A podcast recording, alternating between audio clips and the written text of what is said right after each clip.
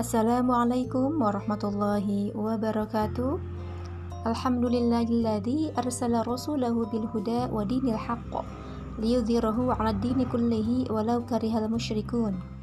أشهد أن لا إله إلا الله وحده لا شريك له وأشهد أن محمدا عبده ورسوله لا نبي بعده. Barik ala habibina Muhammadin wa ala alihi wa sahbihi wa man tabi'ahum bi ihsanin ila yaumiddin. Amma ba'du. Alhamdulillah segala syukur. Marilah kita panjatkan kehadirat Allah Subhanahu wa taala. Karena rahman rahimnya kita sampai detik ini masih diberikan kesempatan untuk ada di dunia ini dan menjalankan berbagai aktivitas kita dengan penuh optimis dan harapan. Salawat serta salam marilah kita curah limpahkan kepada junjungan kita Nabi besar Muhammad Sallallahu Alaihi Wasallam beserta keluarga, sahabat, dan pengikutnya hingga akhir zaman. Alhamdulillah, kembali lagi di sini bersama saya Nur Jamilah di ruang podcast tutur inspiratif. Sobat, hari ini kita masih membicarakan tema yang sama ya, yaitu tentang tawakal.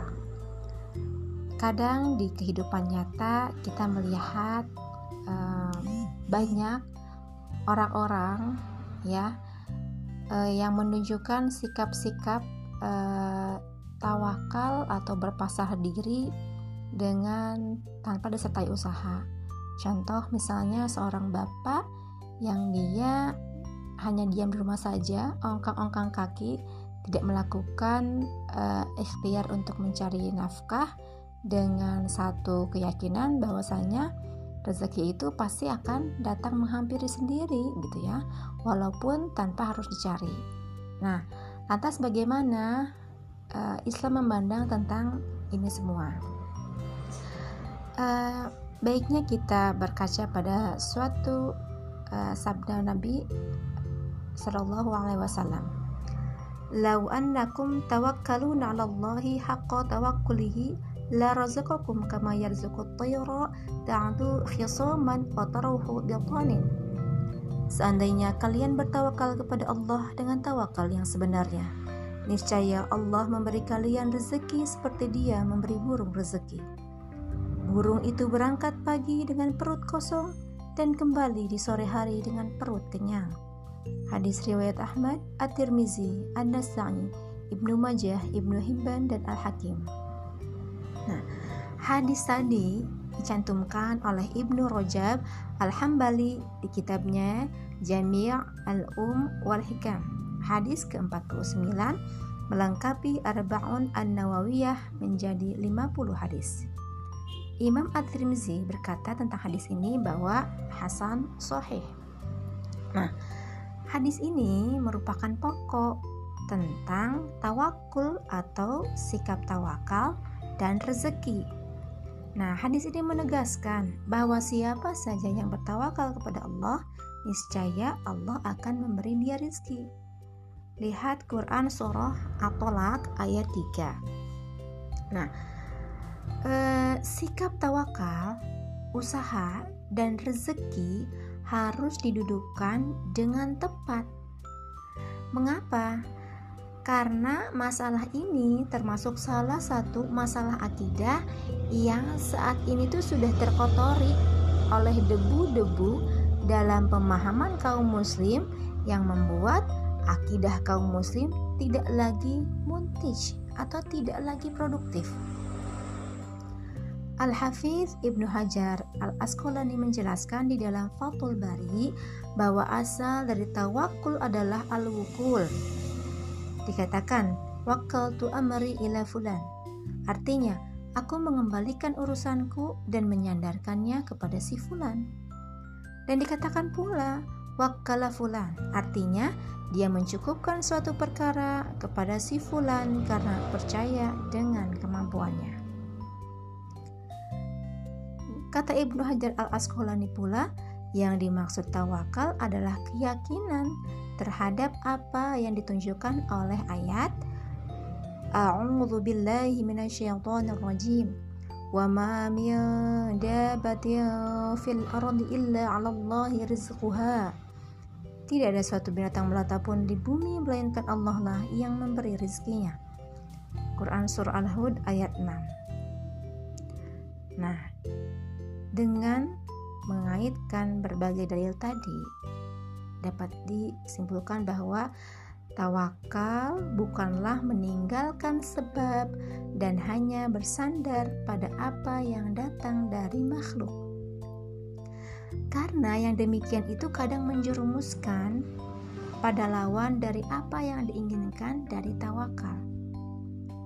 Ibnu Rajab Al-Hambali di dalam Jami' Al-Ulum wal Hikam menjelaskan Hakikat tawakal adalah benarnya penyandaran hati kepada Allah Subhanahu wa taala dalam meraih maslahat dan menolak madorot dari urusan dunia dan akhirat.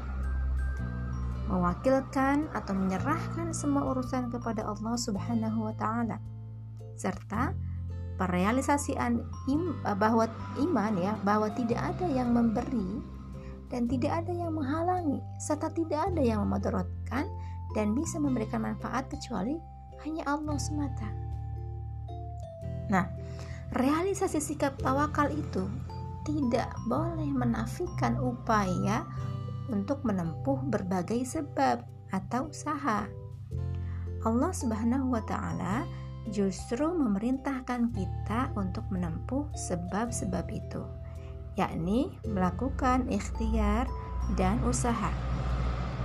Nah, pada saat yang sama, Allah Subhanahu wa taala juga memerintahkan kita untuk bertawakal kepada Dia. Nah, dengan demikian, usaha menempuh berbagai sebab atau menjalankan kaidah sobabiyah. Ya, kaidah sababiyah merupakan bentuk ketaatan badaniyah kepada Allah Nah, adapun tawakal dengan hati kepada Allah Subhanahu wa taala merupakan keimanan kepada Allah. Dan perintah untuk menempuh sebab juga perintah untuk bertawakal adalah perintah pada dua wilayah yang berbeda serta harus ditempatkan dan dijalankan pada wilayahnya masing-masing. Nah, jadi menempuh sebab dan tawakal harus ada pada saat yang bersamaan dan saling beriringan.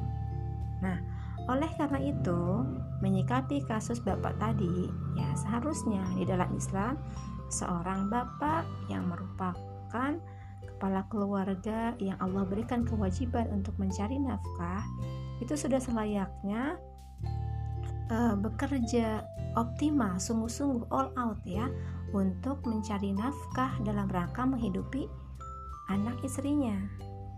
Ya, kita meyakini bahwa rizki itu akan datang kepada kita tanpa tertukar dan tanpa berkurang.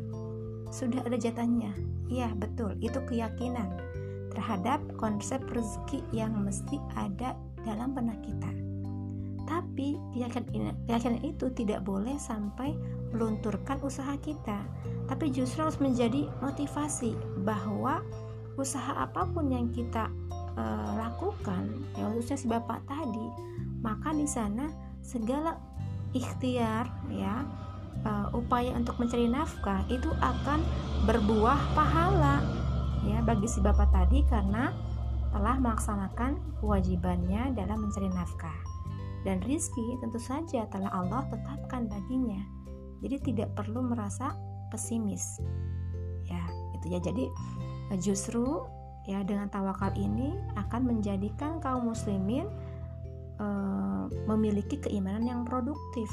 Akan semakin semakin semangat ya untuk bekerja meningkatkan kinerjanya dan terus e, melakukan inovasi-inovasi dalam kehidupannya.